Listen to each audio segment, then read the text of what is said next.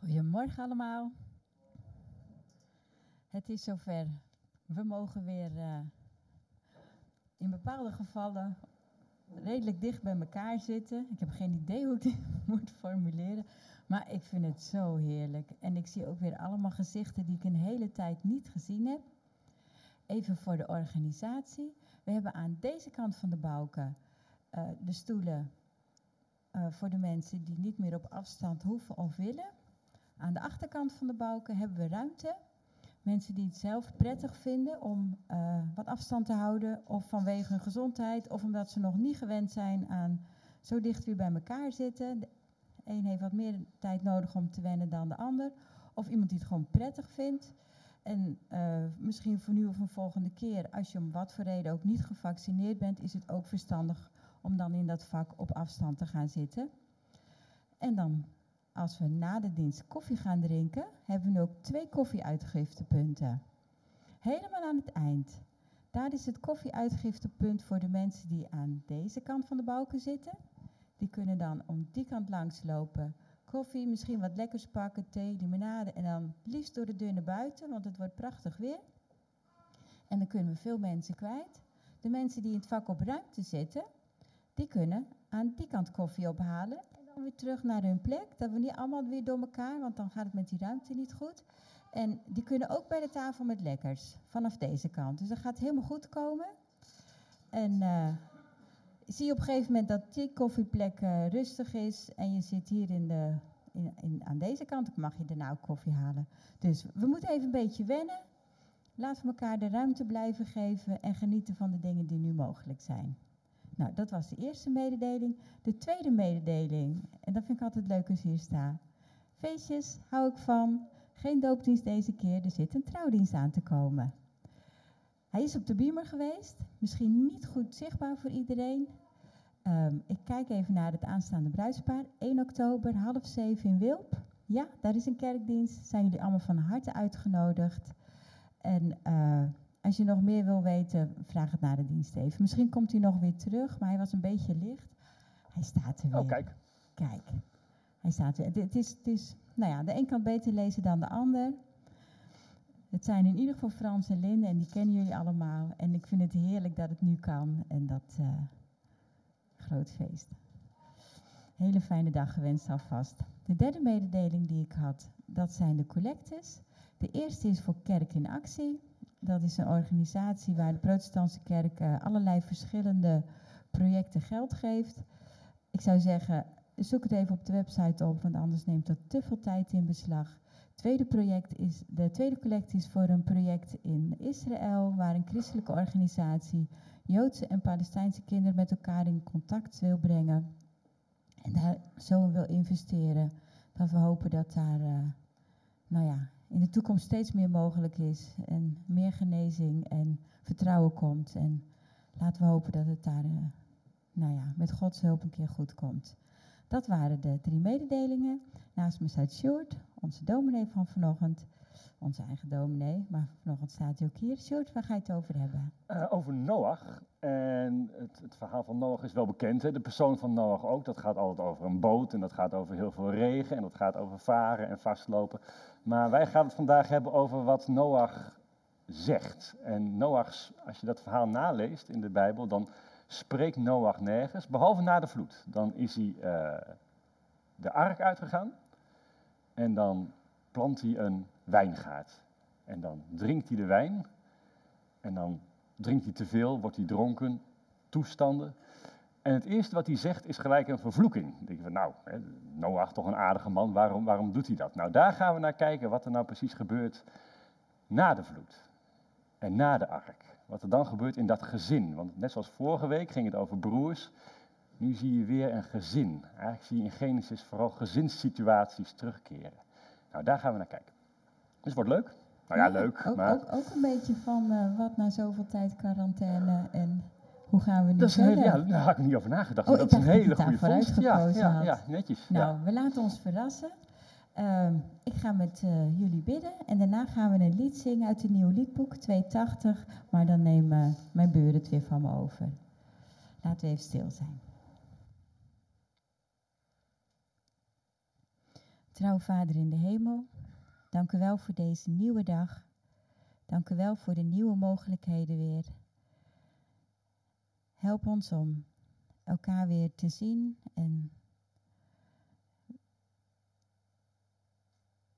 ook aan te voelen of we ruimte nodig hebben of niet.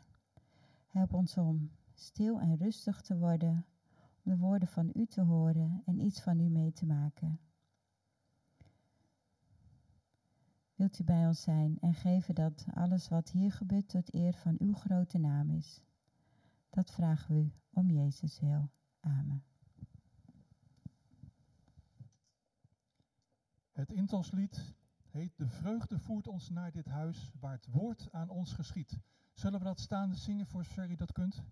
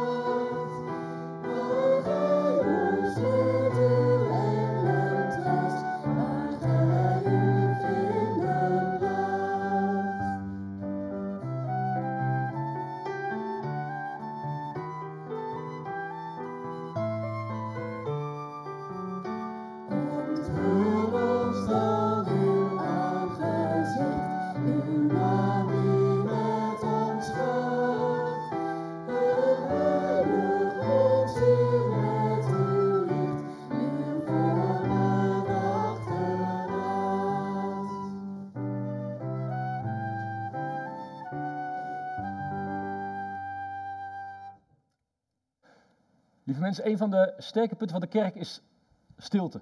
Stil zijn in een wereld om je heen die ah, uitschreeuwt, alleen maar prikkels en meldingen en dat soort dingen, dan is stilte een plek die zeldzaam begint te worden. En juist daarin laat God zich vaak ontmoeten. Kan God spreken als wij zelf stil zijn. Zullen wij nu samen stil worden en in die stilte ruimte scheppen? Openstaan voor wat God ons vandaag en hier en nu te zeggen heeft.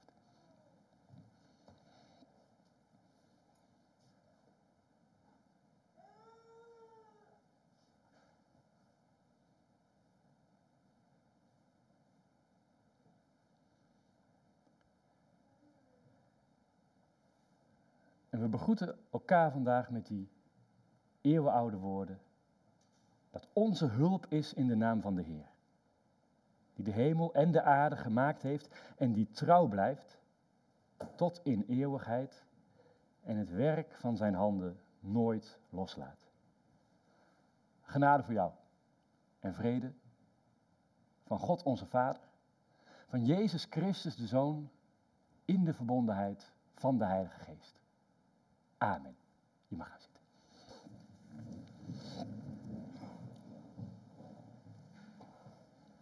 Uh, kinderen, jullie gaan het vandaag ook over Noach hebben. Ik weet niet of jullie afgelopen zomer uh, wel eens het jeugdjournaal hebben gezien.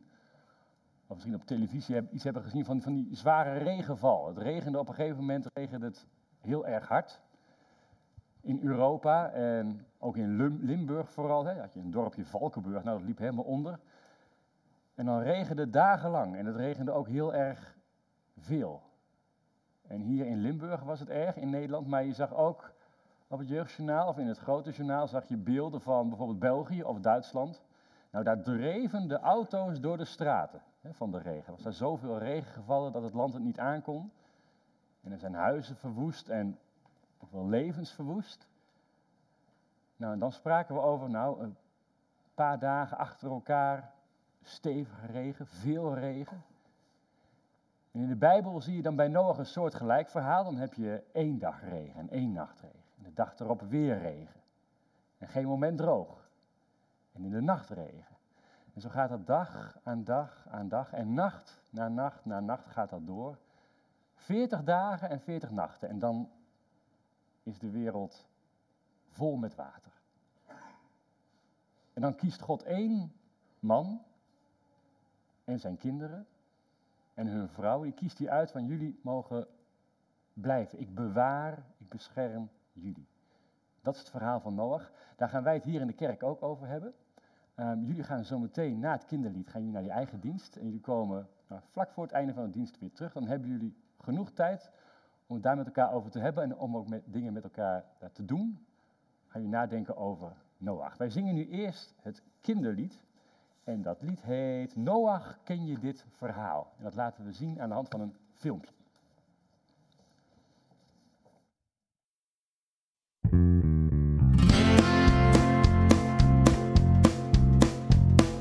God zei Noach, bouw een boot samen met je zonen. Maak hem sterk en maak hem groot, je moet er straks in wonen. En neem dan heel veel dieren mee wanneer de boot gaat varen.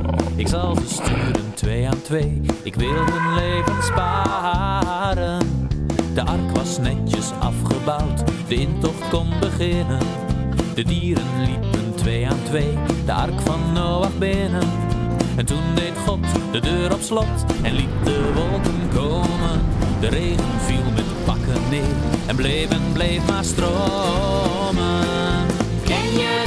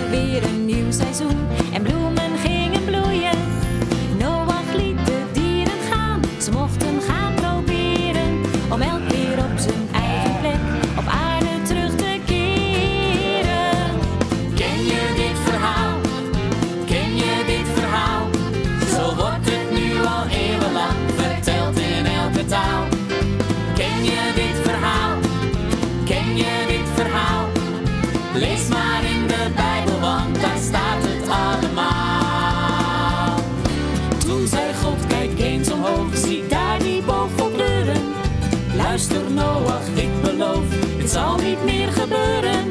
Ik zal met jullie nog een keer de aarde op gaan bouwen. Ik maak met jou een nieuw begin, daar mag je op vertrouwen. Ken je dit verhaal? Ken je dit verhaal? Zo wordt het nu al eeuwenlang verteld in elke taal. Ken je dit verhaal?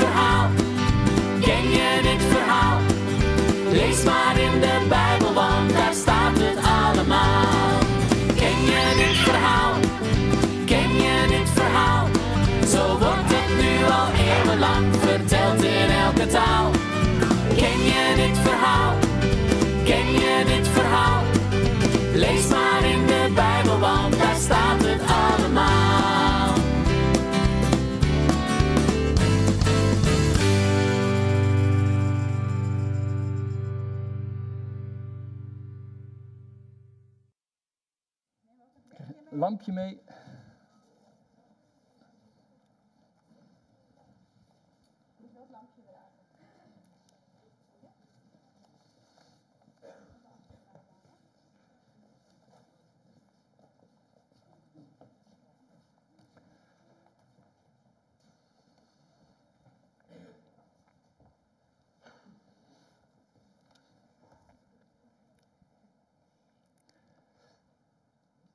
Mensen, ik eh, was, eh, hiervoor was ik dominee in Epe en in Epe vierden wij ook wel eens een keer het, eh, het, avondmaal. Vier, vijf keer in het jaar. Ehm, net zoals wij hier vorige week gedaan hebben. En in Epe, in- in de kerk waar ik zat, daar vierden ze alleen met, met brood en druivensap. Dus ik in al mijn nieuwsgierigheid vraag, hè, nou, druivensap, er staat toch, hè, eh, Jezus nam de wijn. Eh, waarom kies je dan voor druivensap en niet voor wijn? Hè? Dus werd alleen druivensap. Hier doen wij het eh, in, wijn en in druivensap, maar dus in Epe alleen in druivensap. Dus ik dacht van, goh, hè, waar, waar komt dat vandaan? Nou scheen er ehm, daar in de kerk in de jaren, nou, rond het jaar 2000, eh, iemand in de kerk gezeten te hebben met, met een alcoholisch verleden. En om te voorkomen dat die man een terugval zou krijgen, werd toen gezegd van nou, dan gaan we gewoon geheel over op, eh, op druivensap. En daar valt er wat voor te zeggen natuurlijk, maar ehm, toen zei ik wel daar in die kerkenraad van ja, maar, maar wijn heeft eigenlijk wel een, een, een bijzondere rol in de, in de Bijbel. Hè? Als je de Bijbel erop naleest, dan eh, gebeurt er vrij veel met wijn. En er wordt wel gewaarschuwd dat je niet te veel moet drinken, maar toch, eh, wijn is toch iets wat het leven aangenamer maakt. En misschien kent u dat hier wel, hè, dat je gewoon af en toe van een wijntje houdt. Ehm, maar de positieve duiding van wijn, daar gaat het eigenlijk vandaag over. En je ziet het ook eh, bij het verhaal van Noach van vandaag. Het verhaal van Noach is eigenlijk wel bekend. Hè? Dus, eh, je, hebt, je, je die boot en je hebt de regen.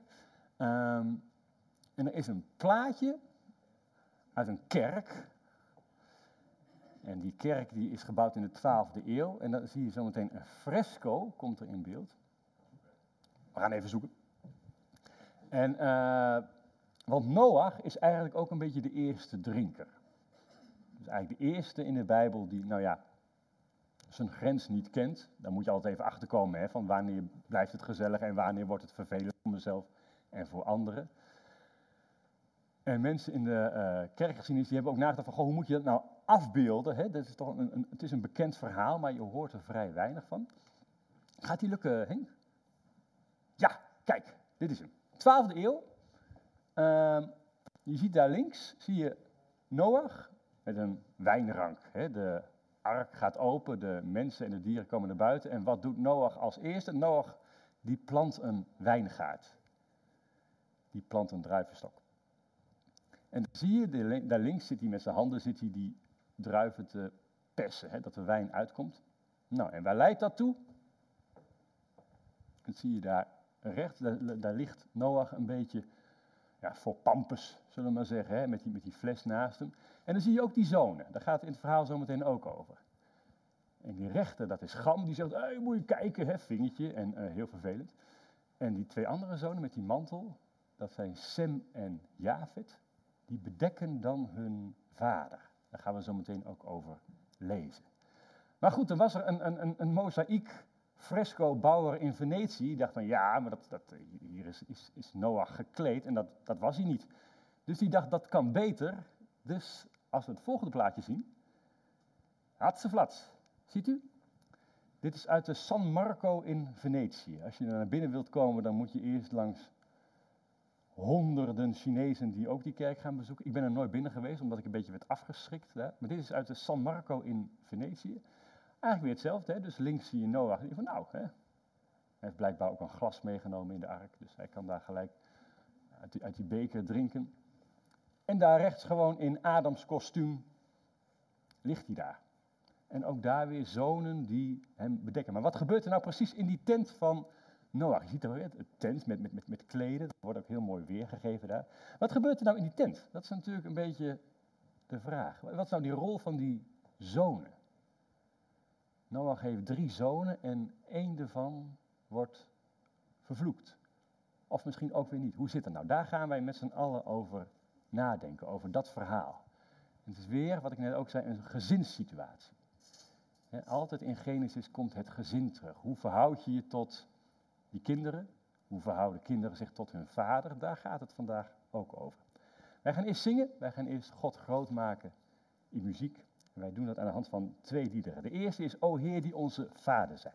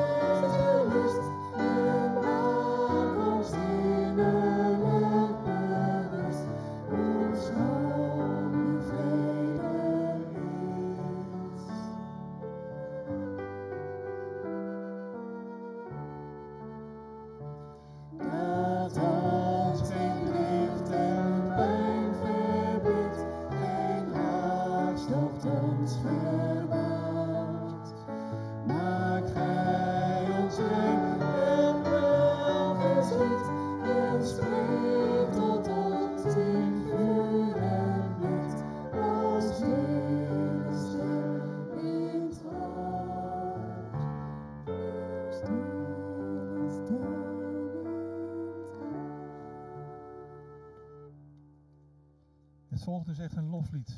Lof zij de Heer de Almachtige, Koning der Ere. Laat ons naar hartelust zingen en blij musiceren. En staat er verder, en laten we dat zo ver mogelijk staande kunnen doen.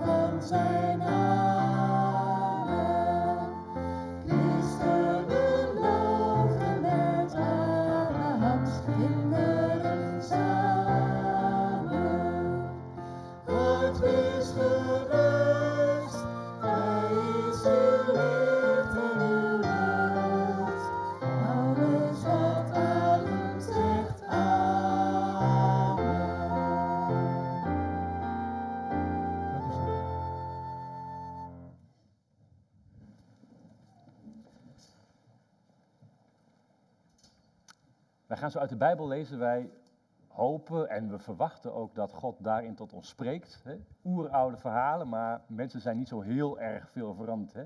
Willen we graag wel. Wat diep van binnen in ons speelt, is eigenlijk al die eeuwen een beetje hetzelfde gebleven. Wij hopen en bidden dat God tot ons spreekt door de woorden die we gaan horen. Zullen wij, voor we verder gaan, eerst samen bidden.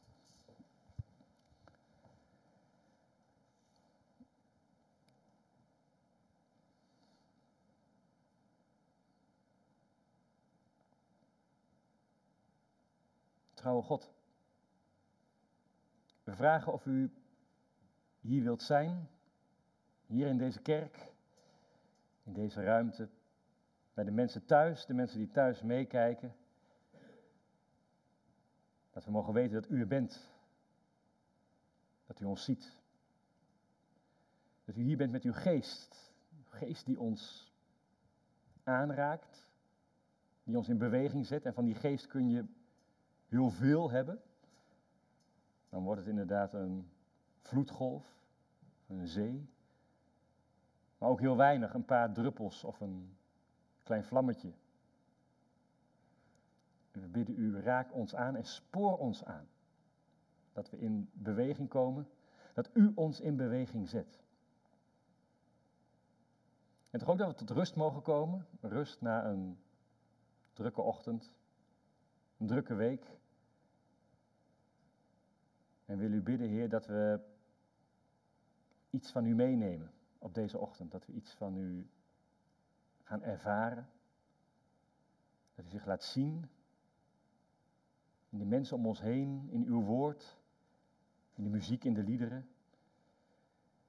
En dat alles wat we zijn en alles wie we zijn, dat we dat kunnen neerleggen bij u. Al onze herinnering, al ons verdriet, al onze zorgen, misschien om onszelf, misschien om mensen in ons hart, kinderen, kleinkinderen, vrienden, familie. Dat u het van ons overneemt, dat u het draagt en dat u ervoor zorgt. Zodat wij door kunnen, zodat wij verder kunnen. Want u heeft ons geluk voor ogen. Niet alleen mijn geluk, maar ook dat van de mensen om mij heen. En zo brengt u ons met elkaar in relatie. En ook met u. Wees bij ons, Heer. Laat ons groeien op deze ochtend. Groeien in uw trouw, groeien in geloof, groeien in uw liefde. In de naam van Jezus. Amen. Ik zei het al, twee Bijbellezingen. De eerste is dus uit Genesis, dat mogen duidelijk zijn. De tweede is uit 1 Petrus, dat heette dan moeilijke teksten. Nou, moeilijk vind ik altijd een beetje overdreven. Belastingformulier vind ik moeilijk. Dit is gewoon een verhaal en dat doet iets met je. En dat moet je ook vooral laten staan. Genesis 9 en 1 Petrus 4. Marjan Voorberg gaat dat met ons lezen.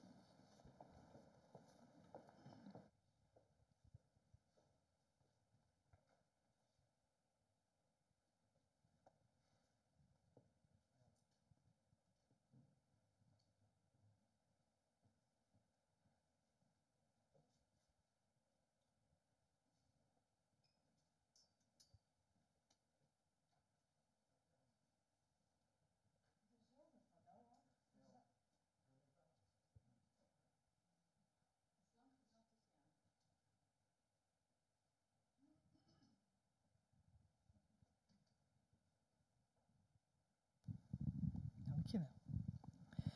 De zonen van Noach, die samen met hem uit de ark waren gekomen, heten Sem, Gam en Jafet. Gam was de vader van Canaan. Met de drie zonen van Noach begon de verspreiding van de mensheid over de hele aarde. Noach was landbouwer en legde als eerste een wijngaard aan. Hij dronk van de wijn, werd dronken en ging in zijn tent liggen, zonder kleren aan. Toen Gam, de vader van Canaan, zag dat zijn vader naakt was, vertelde hij dat aan zijn twee broers die buiten waren. Daarop namen Sem en Jafet een mantel, legden die over hun schouders, liepen achteruit de tent binnen en bedekten het naakte lichaam van hun vader met afgewend gelaat, zodat zij hem niet naakt zagen.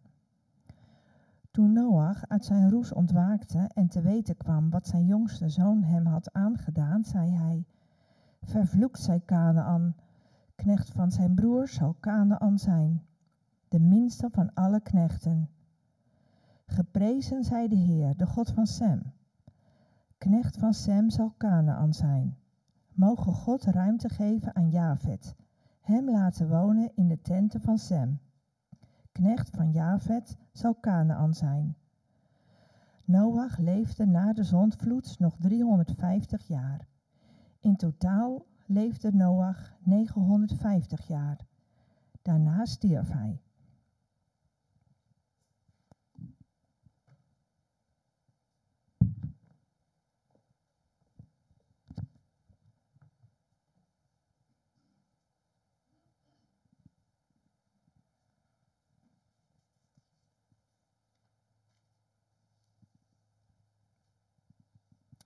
Dan lees ik verder uit 1 Petrus 4. Nu dan, om Christus, Christus tijdens zijn leven op aarde heeft geleden, moet u zich net als wij, als hij wapenen met de gedachte dat wie in zijn aardse leven geleden heeft, met de zonde heeft afgerekend. Zo iemand laat zich gedurende de rest van zijn leven niet meer leiden door menselijk verlangens, maar door Gods wil. U hebt al genoeg tijd verspeeld aan allerlei zaken waarin de ongelovigen plezier hebben. Losbandigheid, wellust, dronkenschap, bras- en slempartijen en verwerpelijke afgodendienst. Zij vinden het vreemd dat u niet langer meedoet aan hun liederlijke uitspattingen en ze spreken daarom kwaad over u. Maar ze zullen zich daarvoor moeten verantwoorden tegenover hem die zich gereed houdt om recht te spreken over levenden en doden. Ook aan de doden is het evangelie verkondigd, opdat ook zij, al zijn ze naar hun leven op aarde door de mensen veroordeeld, bij God in de geest kunnen leven. Het einde van alles is nabij. Kom daarom tot bezinning en wees helder van geest, zodat u kunt bidden. Heb elkaar voor alles innig lief, want liefde bedekt tal van zonden. Wees gasvrij voor elkaar, zonder te klagen. Laat ieder van u de gaven die hij van God gekregen heeft, gebruiken om de anderen daarmee te helpen, zoals het goede beheerders van Gods veelsoortige gaven betaamt. Voert u het woord, laat dan Gods woorden do- doorklinken in wat u zegt.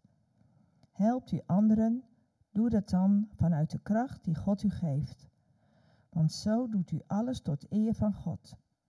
Dankzij Jezus Christus, aan wie alle eer en macht toekomt, voor eeuwig. Amen. Tot zover.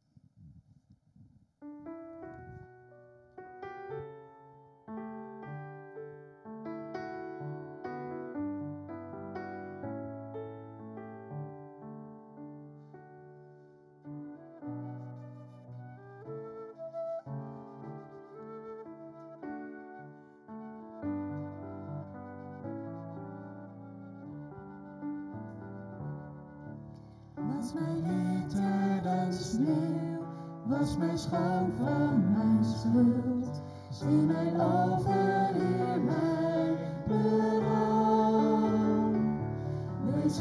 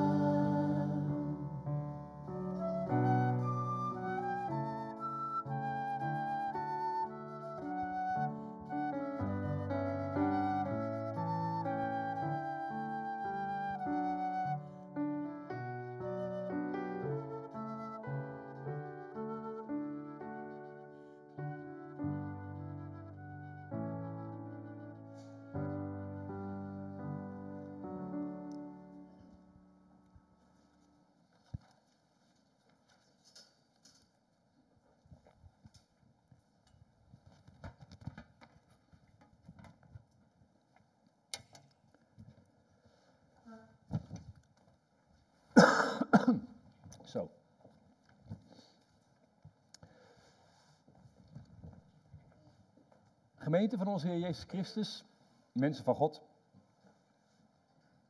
Ik denk eigenlijk dat het leven van ieder mens eigenlijk draait om één enkele vraag.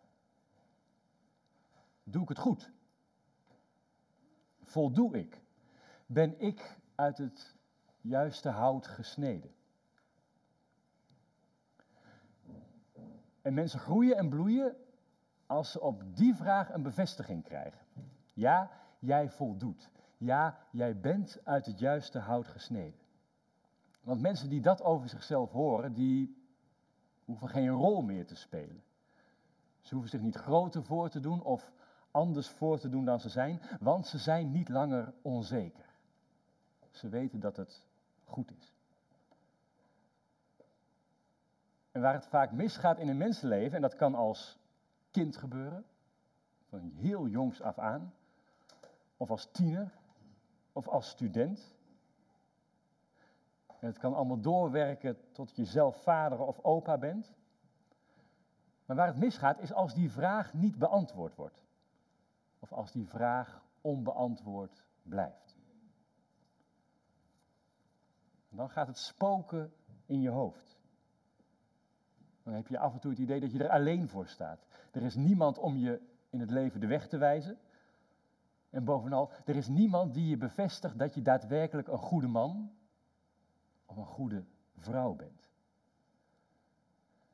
En die vraag en vooral die onzekerheid, dat kan op een gegeven moment een obsessie worden. En dat gebeurt het ook in heel veel levens. En je gaat sporten. En je gaat keihard studeren. En je gaat carrière maken. En je gaat pleasen. En je gaat zorgen voor anderen. En je gaat alles doen voor een bevestiging op die ene vraag: voldoe ik? Doe ik het goed? Is het goed wie ik ben?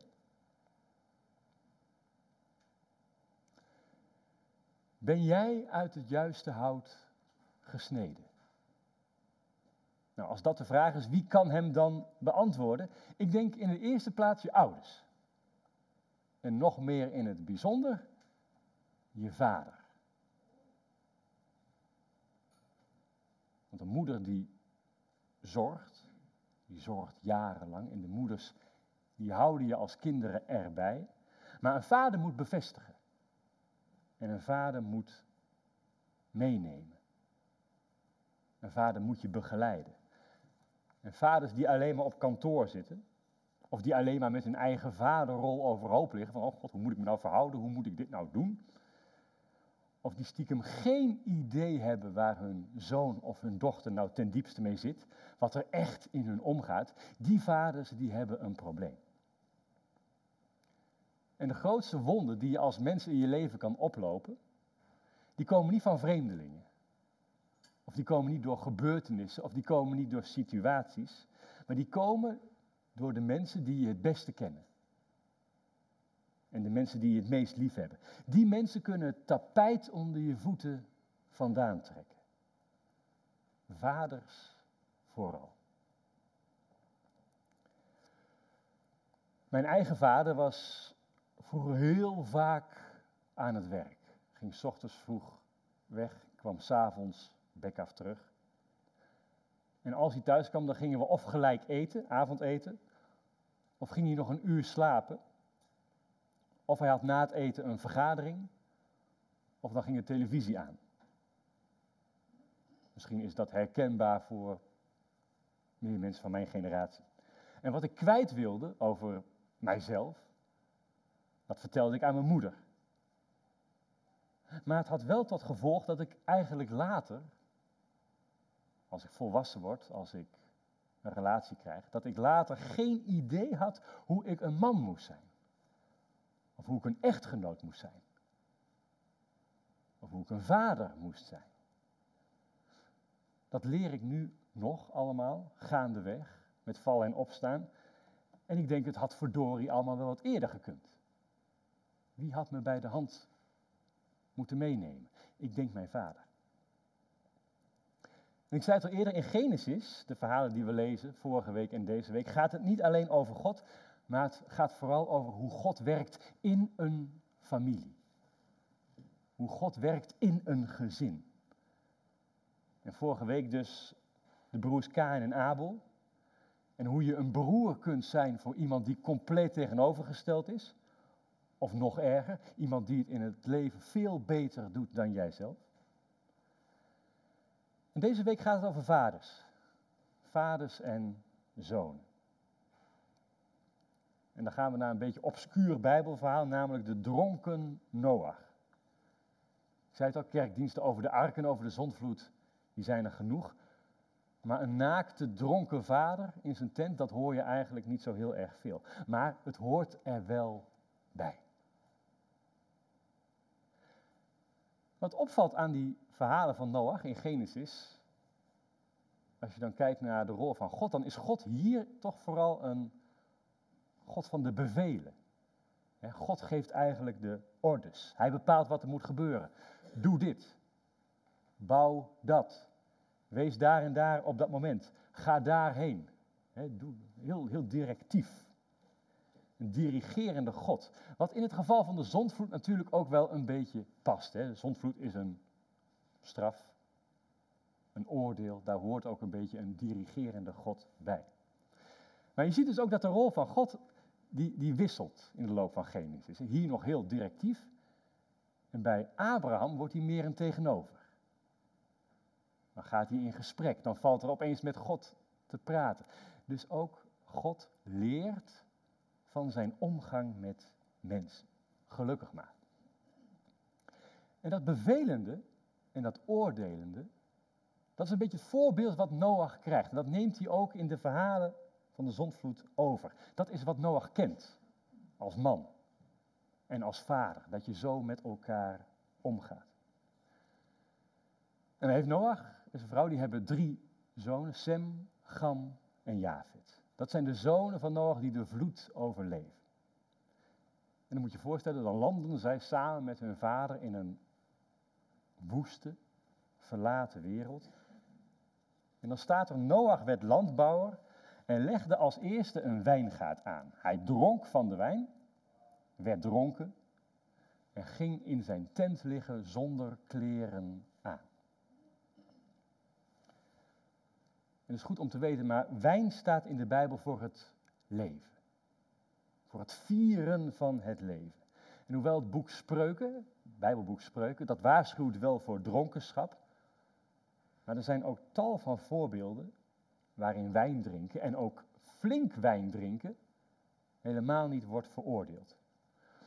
Ook Jozef en zijn broers, die worden samen stom dronken van de wijn. Helemaal aan het eind van het Bijbelboek Genesis. Want wijn maakt vrolijk. En wijn vernevelt de vaak harde realiteit. En Jezus verandert water in wijn. Niet omgekeerd. Hè. Wat de Koran heeft tegen alcohol, dat je dat vooral niet moet drinken, dat kent de Bijbel niet. En je moet jezelf niet klemzuipen. Je moet ook niet verslaafd raken. Maar met wijn mag je het leven best vieren. Aanspreekbaar zijn op je eigen daden. Je hebt gezond verstand gekregen, die mag je ook gebruiken. Daar is ons geloof heel erg goed in. Niet alles vastschieten in regels of in geboden. En als je erover nadenkt, dan heeft Noach ook wel wat te vieren. Hij en zijn gezin hebben de vloed overleefd. En verrek, ook de aarde geeft nog vrucht. Hij is landbouwer. En het land werkt nog. Getuigen de druiven aan de wijngaard. Dus drinken maar, stevig drinken en daarna naakt je roes uitslapen. Niks menselijks is ons vreemd. En dan komt opeens Gam, de vader van Canaan, staat er. Die ziet, staat er, ziet dat zijn vader naakt is en vertelt dat aan zijn broers die buiten waren. Met andere woorden, die broers die wisten van niks. Maar nu wel. Pa is dronken en ligt naakt in zijn tent. De bouwer van de ark, rechtvaardig door God gekozen, de oude man, enige die als God door rechtvaardig werd aangestempeld, is nu poedelnaakt en katje lam.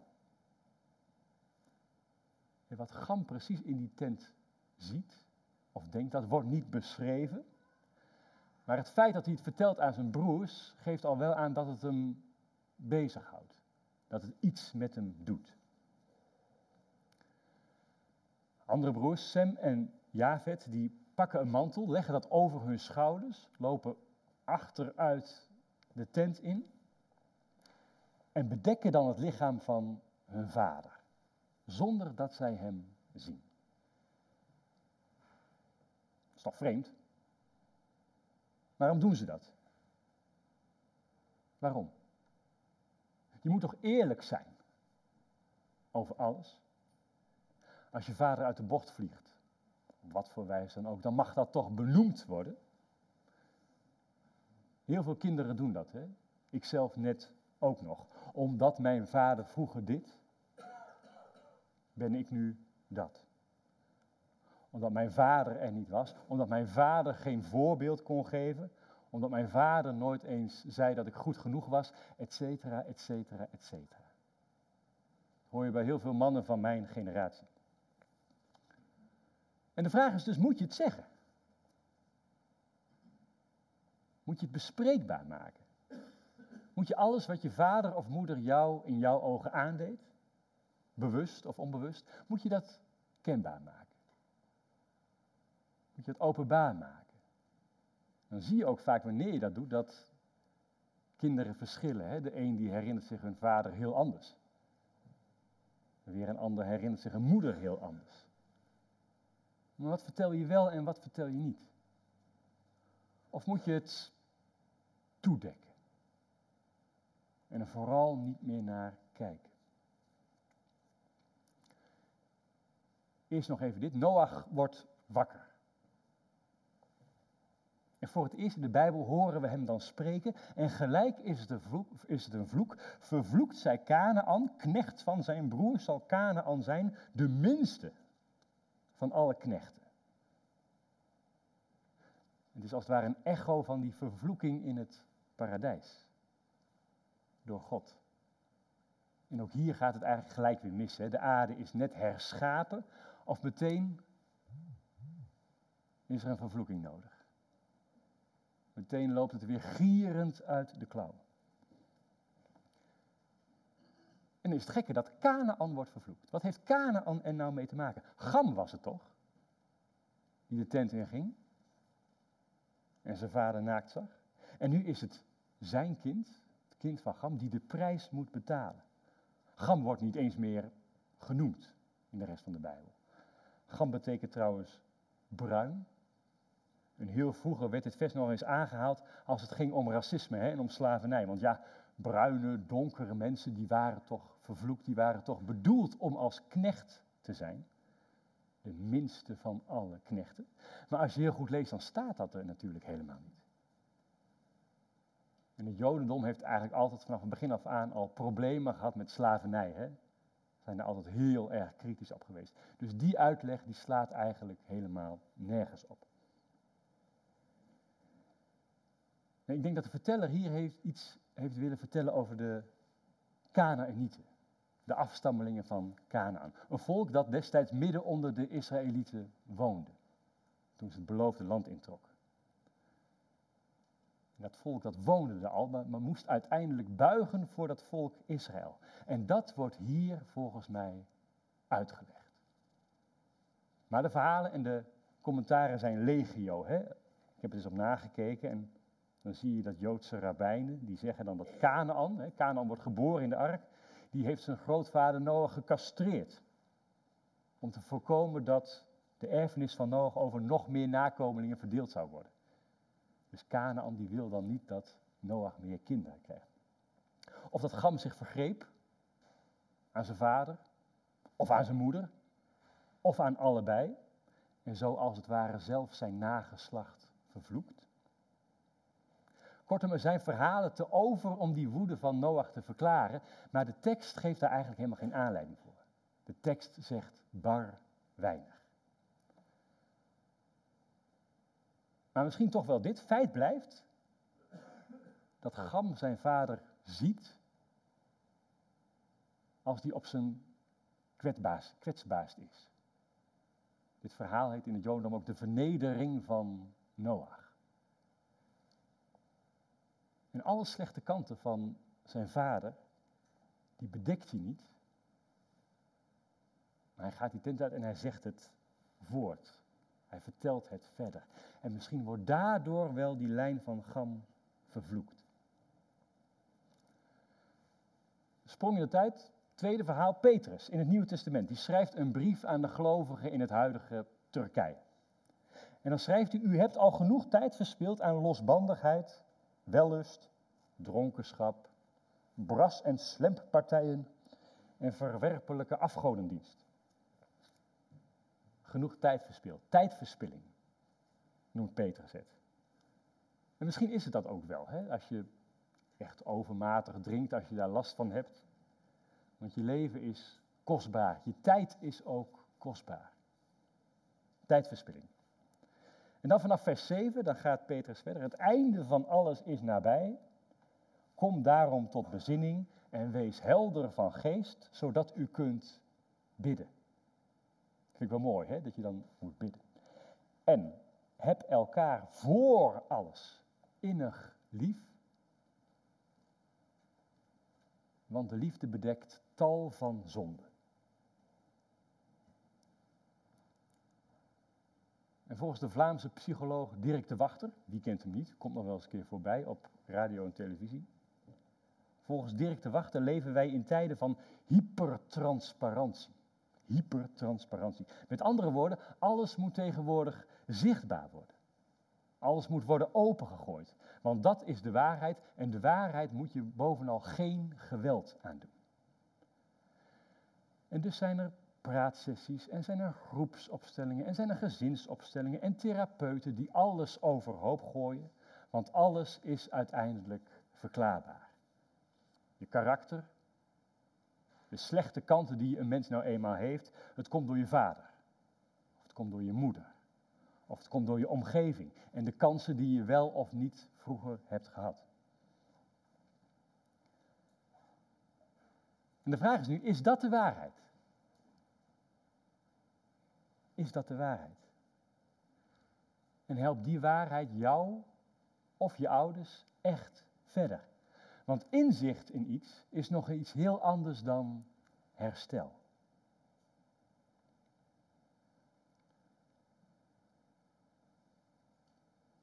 Heb elkaar voor alles innig lief, want de liefde bedekt tal van zonden.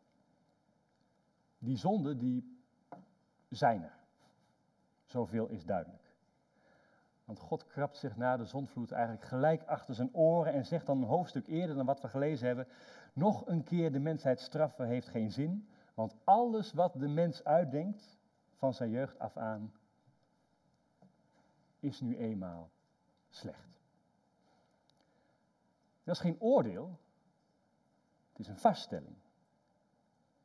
En de aarde wordt dus niet nog een keer vernieuwd. Hier moeten we het mee doen. Met deze mensen om ons heen moeten wij het mee doen.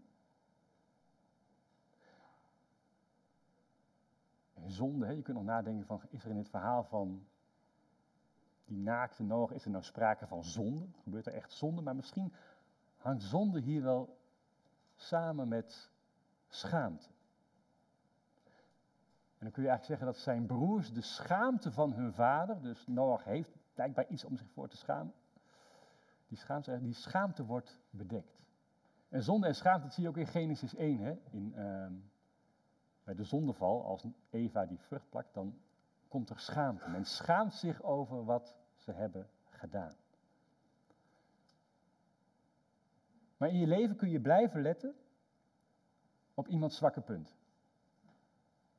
Of wat mensen om je heen niet kunnen. Of niet goed hebben gedaan. Dat doen we heel vaak om onszelf te verklaren, om onszelf iets beter te voelen. Of als je inderdaad die zwakke punten bij je vader of moeder ziet, om je eigen zwaktes te verklaren. Het is me ook nooit geleerd. Het is me ook nooit voorgedaan. Zelf konden ze er ook geen moe van. Dat kan. Of je kunt achteruit een tent inlopen en er een kleed overheen leggen. Met andere woorden, wat wil je zien? En wat geef je aandacht? En kun je ervoor kiezen, heel misschien, om ook eens een keer iets niet te zien? Ja, maar dan doe ik de waarheid geweld aan. Nee, dat is liefde. Dat is de uitweg uit de spiraal. Want let je op de slechte kanten van anderen, onherroepelijk zie je dan ook alleen nog maar de slechte kanten aan jezelf. Maar probeer in anderen het goede te zien. Daar zijn je ouders wel goed in. Wat gingen ze nou buitensporig goed af? Wat kunnen je kinderen goed? Wat kan je familie goed? Wat kunnen je vrienden goed? Als je het goede gaat zien in anderen, dan blijft bij jou ook alleen het goede over. Dat is liefde. En dat is genade. En dat is vergeving. Niet alles moet gezien worden. Niet alles moet verrekend worden. Ja, wat zie je dan? Noach heeft Canaan vervloekt en Sem en Javed worden gezegend door Noach. En Sem betekent naam. En Javed betekent ruimte, openheid. Jij, zoals je hier zit, zoals je dit kijkt, jij hebt een naam. En van jou is er maar één. En God vraagt, verschaf jezelf de ruimte. Verschaf jezelf de ruimte door zonde of fouten te bedekken. Vanuit de liefde. Kijk er niet naar. Maar keer het de rug toe. En hou je blik op iets anders gericht. Want het opent je toekomst. Ben ik goed genoeg? Ben ik uit het juiste hout gesneden? Wie gaat daar eigenlijk over? Wie gaat er over die vraag? Jijzelf? Je ouders? Noach had zijn oordeel eigenlijk vrij snel klaar. Hè? Hij is nog maar net wakker of het oordeel vliegt de tent uit. De ene broer zal de andere dienen. En heel misschien verwachten we wel te veel van onze ouders. Of heel misschien verwachten we wel te veel van onze kinderen. Want opvoeden, of kind zijn, kind zijn van je ouders, dat is alles behalve makkelijk. Alle verhalen in Genesis gaan daarover. Dus wie gaat er over die vraag? Gods mening, Gods kijk op jou, die kan je verder helpen. Want God zegt, jij bent geen product van je opvoeding. Je bent niet wat je ouders je hebben geleerd of afgeleerd. En je bent ook niet wat jij je kinderen leert. Jij bent een uniek mens. Geschapen naar Gods beeld. In een wereld die stuk is van verdriet en van pijn en van zonde. Maar jij bent er. Jij bent hier. En in die krankzinnige doorgeslagen wereld kiest God voor jou. En luister dan. Luister dan wat God van jou vindt. Want God zegt, jij, jij bent mij alles waard. Jij bent het waard om voor te sterven. Jij bent uit het juiste kruishout gesneden. Niet alleen voor vandaag of voor morgen, voor de eeuwigheid. Dat ben jij. Amen.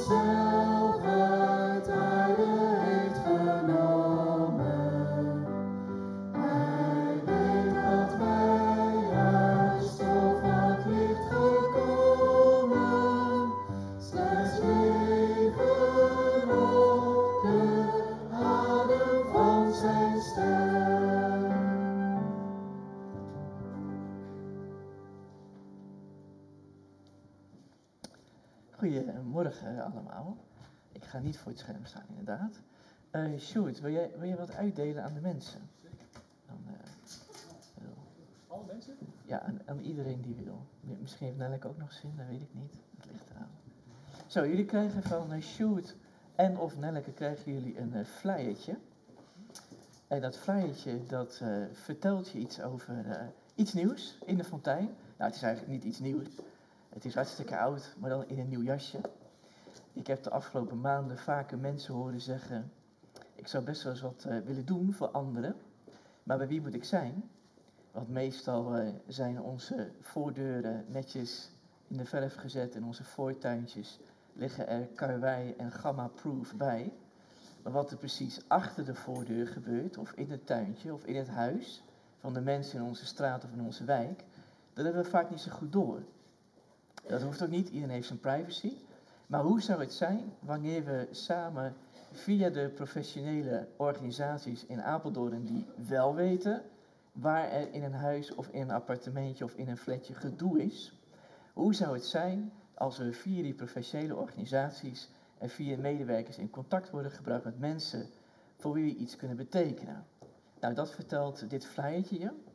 Het gaat over de buurtbank die we samen met Steamens, dat is een van de grotere professionele welzijnsorganisaties in Apeldoorn, samen met Stimens en samen met Stichting Present, dat is de meeste van jullie ook wel bekend, en met de vrijwilligersorganisatie Apeldoorn Pakt Aan, samen met Berea Noord en Leger des Heils en nog een aantal kerken wiens naam ik spontaan ben vergeten. We hebben eigenlijk een soort bondje met elkaar gemaakt. Ik heb daarbij gezeten namens de Fontein en we hebben gezegd, we gaan ervoor zorgen dat als mensen iets voor een ander willen betekenen, dat wij gezamenlijk ervoor kunnen zorgen dat je een adresje krijgt of een aantal mensen, met een aantal mensen in contact wordt gebracht. Als je wilt in je eigen wijk, als je niet wilt in een andere wijk van Apeldoorn of in Zuidbroek. En dat je via een medewerker van zo'n organisatie die er verstand van heeft, bij iemand terechtkomt. Jij alleen of jij met je gezin, want we kunnen dus ook kijken of je een zaterdagochtend of zaterdagmiddag als gezin actief kan zijn. Dan zoeken we natuurlijk een situatie uit waarin de hulp van jou en jouw gezin ook echt gewaardeerd wordt. En ook echt goed kan landen, dat het past. Dat is het hele idee. Wij hebben iets te geven. Mensen in Apeldoorn hebben iets te ontvangen in een Zuidbroek. En hoe kan je het via professionele begeleiding zo krijgen dat als je bij iemand langskomt, dat je ook echt iets kan betekenen op een goede manier. Dat doen we dus met allerlei mensen om je heen. En het doel is ook dat we wat meer contact kunnen leggen en kunnen ontvangen en krijgen met mensen die ons, nou, die ons zien zitten. Want het is ook altijd wel een beetje de vraag of mensen er zin in hebben, hè, dat je ze komt helpen. Er zijn genoeg mensen. Stichting Present zei tegen mij dat ze, luister goed, ze hebben 112 adressen in Zuidbroek waar hulp nodig is. Een heel aantal van die adressen, ongeveer 30%, bestaat uit alleenstaande ouders. Nou, dus 112 adressen in Zuidbroek. Maar goed, het is natuurlijk niet zoals wij met elkaar zeggen, "Eh, we komen jullie allemaal helpen, dat al die 112 adressen zeggen, oh ja, kom maar binnen hoor. Schaamte. Situaties die spannend zijn. Dus wat zou er gebeuren wanneer wij met elkaar als de fontein zeggen, we komen iets voor je betekenen, en dat we organisaties voor ons laten regelen dat die 112 adressen in Zuidbroek, om even een voorbeeld te noemen, ook kunnen zeggen: Oké, hoe gaan we dat precies doen? Eh, hoe kan ik mijn voordeur voor je openen? Eh, hoe kan je zo in mijn huis binnenkomen? Hoe gaan we dat samen aanpakken? Nou, daar is dit voor bedoeld. Als laatste wil ik je laten zien dat we een mooie QR-code hebben en een mooie website. En daar kan je nu al heen. Ehm, straks tijdens dank en voorbeden is dat niet zo heel netjes. Maar tijdens de collecte kan je erheen. Eh, straks tijdens het laatste lied. eh nou ga je natuurlijk netjes zingen. Maar in ieder geval, er is genoeg ruimte, al tijdens deze dienst, om hem op te zoeken. Eh, als je een beetje lijkt op mij, dan ben je zo iemand die zegt, oh dit zou ik heel gaaf vinden om te doen. Maar je gaat het vergeten. Dus als je lijkt op mij, doe het nu. Doe het nu. Pak je telefoon, scan die QR-code, ehm, ga even naar de website, vul hem in, maar doe het nu, want anders vergeet je het. Weet je wel, zometeen heb je weer een paar eh, leuke mensen om je heen aan wie je aandacht moet geven. Doe het gewoon nu. Er is tijd voor. Eh, met dit eh, oude wens eigenlijk, en velen van ons zijn al volop actief in vrijwilligerswerk natuurlijk, maar hiermee hoop ik dat we als Fontijn op een mooie manier verbonden worden aan mensen die het nodig hebben. Geldt dus niet alleen voor Zuidbroek, want omdat we het samen met Stichting Present doen en met Stiemens en met woningcorporaties en met Apeldoorn Pakt Aan, kan het ook gerust in jouw wijk of in jouw buurt. Wanneer je dat een beetje te spannend vindt of een beetje te ongelegen, kun je er ook voor zorgen dat je bij wijze van spreken een mooi plekje ergens anders in de stad krijgt waar je niet zo vaak komt. Mijn vraag aan jullie is, uh, pak het op. Uh, wanneer je het niet wil, doe het vooral niet. Maar wanneer je het wel wilt, doe het vooral wel. Uh, ik denk volgende week zal het ook wel een keertje terugkomen, dus je krijgt nog een herkansing. Maar voor nu was dit het verhaal. Dank jullie wel. En dan geef ik de dienst weer terug aan mijn geliefde en gewaardeerde collega.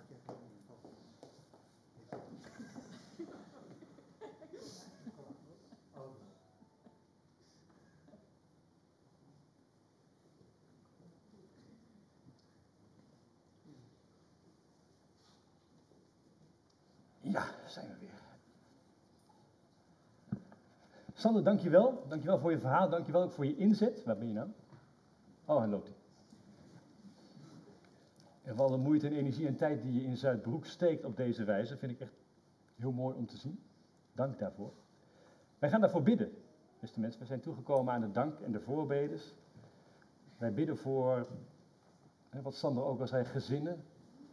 Alleenstaande ouders hier in de wijk die, die, niet, ja, die niet kunnen bolwerken. Die zich er ook heel erg schamen. Hè? Dus, dus om hulp te vragen is ook echt een stap. Hè? Voor mensen die dat doen, dat, dat doen mensen niet zo snel. Dus wij hopen dat God daarin werkt. In de harten van die mensen, in de harten van deze gemeente, in, de harten van deze, in het hart van deze wijk. Dat mensen op elkaar gaan letten, dat mensen elkaar ook zien. En dat mensen elkaar, ja, zonder schaamte, daar heb je het weer, zonder schaamte nabij kunnen zijn. Daar gaan we voor bidden. Wij bidden ook voor Dikkie Apeldoorn. Dikkie wordt woensdag aanstaande geopereerd aan haar hand. Wij hopen dat dat voorspoedig zal gaan, dat alles goed mag gaan. Zij gezegend mag zijn en de artsen ook. En we bidden voor Frans en voor Linde. Gaan vrijdag trouwen. Hoe gaat het? Slapen jullie nog? Ja, hè? zal wel lukken toch? Wij hopen op een mooie dag. Met elkaar en met God. Gaan een zegen vragen over jullie huwelijk. Dat het een leuke, mooie uh, dag wordt om te herinneren. Of met veel plezier op terug kunnen kijken. Ik heb er heel veel zin in. We zien elkaar dan. Wees welkom bij die bruiloft. Toch? Mensen zijn, uh, ja, er is nog plek. Heel veel plek. Dus uh, komt allen en komt massaal. Half zeven, dorpskerk in Wilp. Wilp is het dorp van de Pietzomes. Aan de IJssel. Waar ik nooit kom, behalve bij de uitverkoop. Maar daar, prachtig kerkje, uh, half zeven, vrijdagavond trouwen Frans en Linde. Wij bidden voor die dag, wij bidden voor jullie. Lieve mensen, zullen wij samen danken en bidden? Even kijken, waar heb ik de papier? Ja. En voor wij danken en bidden willen wij eerst stil zijn, stil gebed, ruimte nemen om alles wat er in ons omgaat, waar we mee zitten, wat we verwachten, waar we moeite mee hebben, om dat neer te leggen bij God. Zullen we eerst stil worden, daarna ga ik u voor.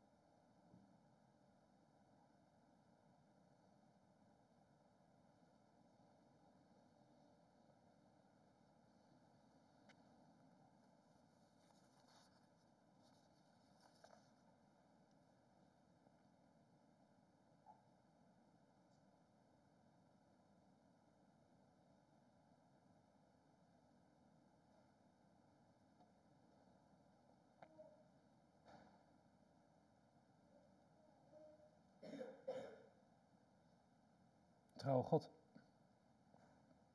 Wij zijn en blijven kinderen. En misschien is de band met onze ouders wel door en door verrot. Is er eigenlijk geen herstel meer mogelijk van die relatie, van die banden. Toch willen we u dan vragen, Heer God, of u het wilt dragen, of u het wilt zegenen, of u er wilt, erin wilt werken. Want een kind van je ouders blijf je altijd, hoe oud je ook wordt, hoe oud je ook bent. En je raakt er niet los van, maar bed het in. Bed die relatie, of die nou goed of slecht is, in in de grotere relatie met u. In uw liefde, in uw trouw, in vergeving, waar dat nodig is voor wat we elkaar hebben aangedaan. In die liefde en die trouw, daar bent u. U die zich altijd laat kennen in de Bijbel als een goede vader. Die band tussen ouder en kind kan nooit kapot en bij u zeker niet. En wij vragen u, Heer God, om daar oog voor te hebben. Om ons dat te herinneren. Wilt u bij ons zijn, bij ons als fontein, bij het werk wat we gaan doen, nu het kerkelijk leven en alles wat we aan activiteiten gaan ondernemen, dat het allemaal weer opstart? Wilt u daarbij aanwezig zijn bij het werk van de buurtbank? Het werk in Zuidbroek wat nodig is? Want er zijn hier mensen die, die het water na aan de lippen komt, Heer God, die verdrinken in zorgen, verdrinken in schuld en niemand om hen heen die het weet. Dat u zorgt voor een open oog, een open oor vooral, dat we luisteren. Luisteren in deze wijk, luisteren in deze stad naar wat u te zeggen heeft. En wat er nodig is van ons en dat we daar ook naar handelen. Wilt u erbij aanwezig zijn? Wilt u zijn bij Dikkie aanstaande woensdag, operatie?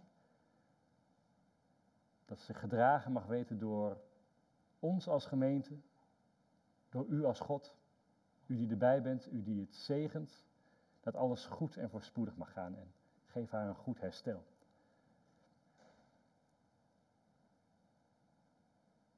Wees bij Frans en Linde. Naar de kerkelijke inzegening van aanstaande vrijdag, zegen de voorbereidingen van al die mensen die, bij daar, die daar betrokken bij zijn. Zegen hen zelf, dat ze openstaan voor wat daar gebeurt, dat u zich daar aan hen verbindt, zoals zij zich aan elkaar verbinden. Dat het een mooie dag wordt, een dag om te herinneren, een dag om te vieren. Een dag om uw liefde te vieren en de liefde van mensen voor elkaar. Wees daarbij aanwezig met uw Heilige Geest. Zou God, wees werkzaam in deze wereld. Met vluchtelingen, met klimaatcrisis, met oorlogen waarvan we eigenlijk al lang niet meer horen. In Jemen bijvoorbeeld.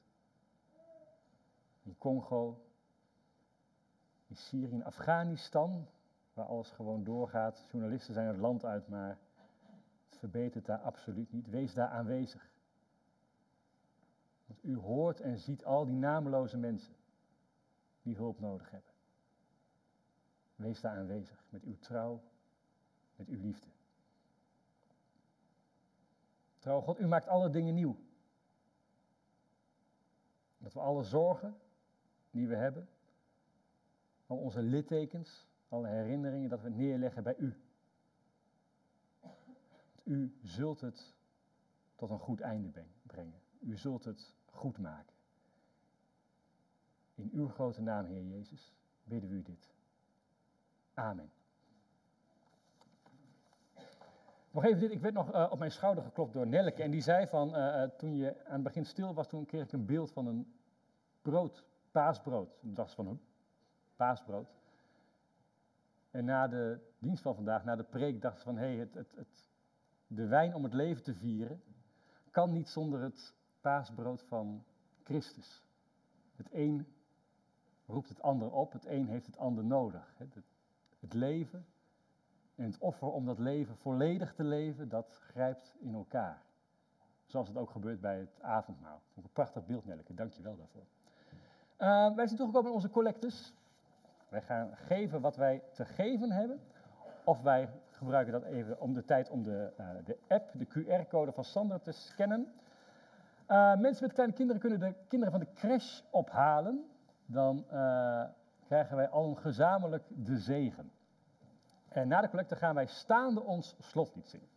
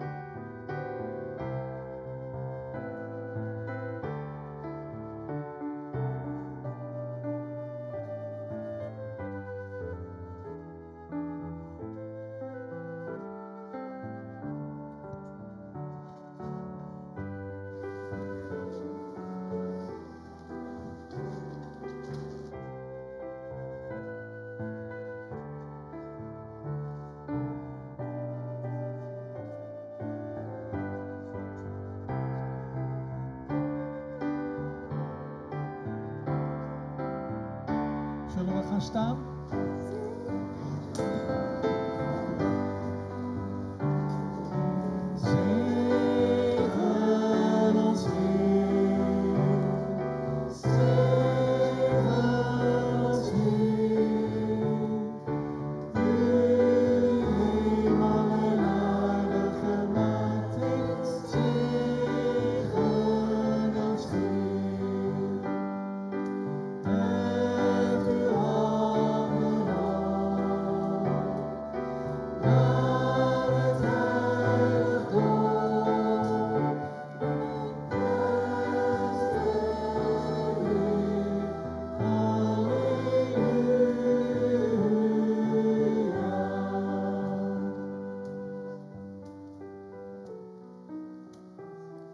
De Heer zegent u en Hij behoedt u.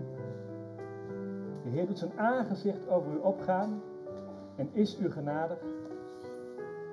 En de Heer verheft zijn aangezicht over u en geeft u zijn vrede.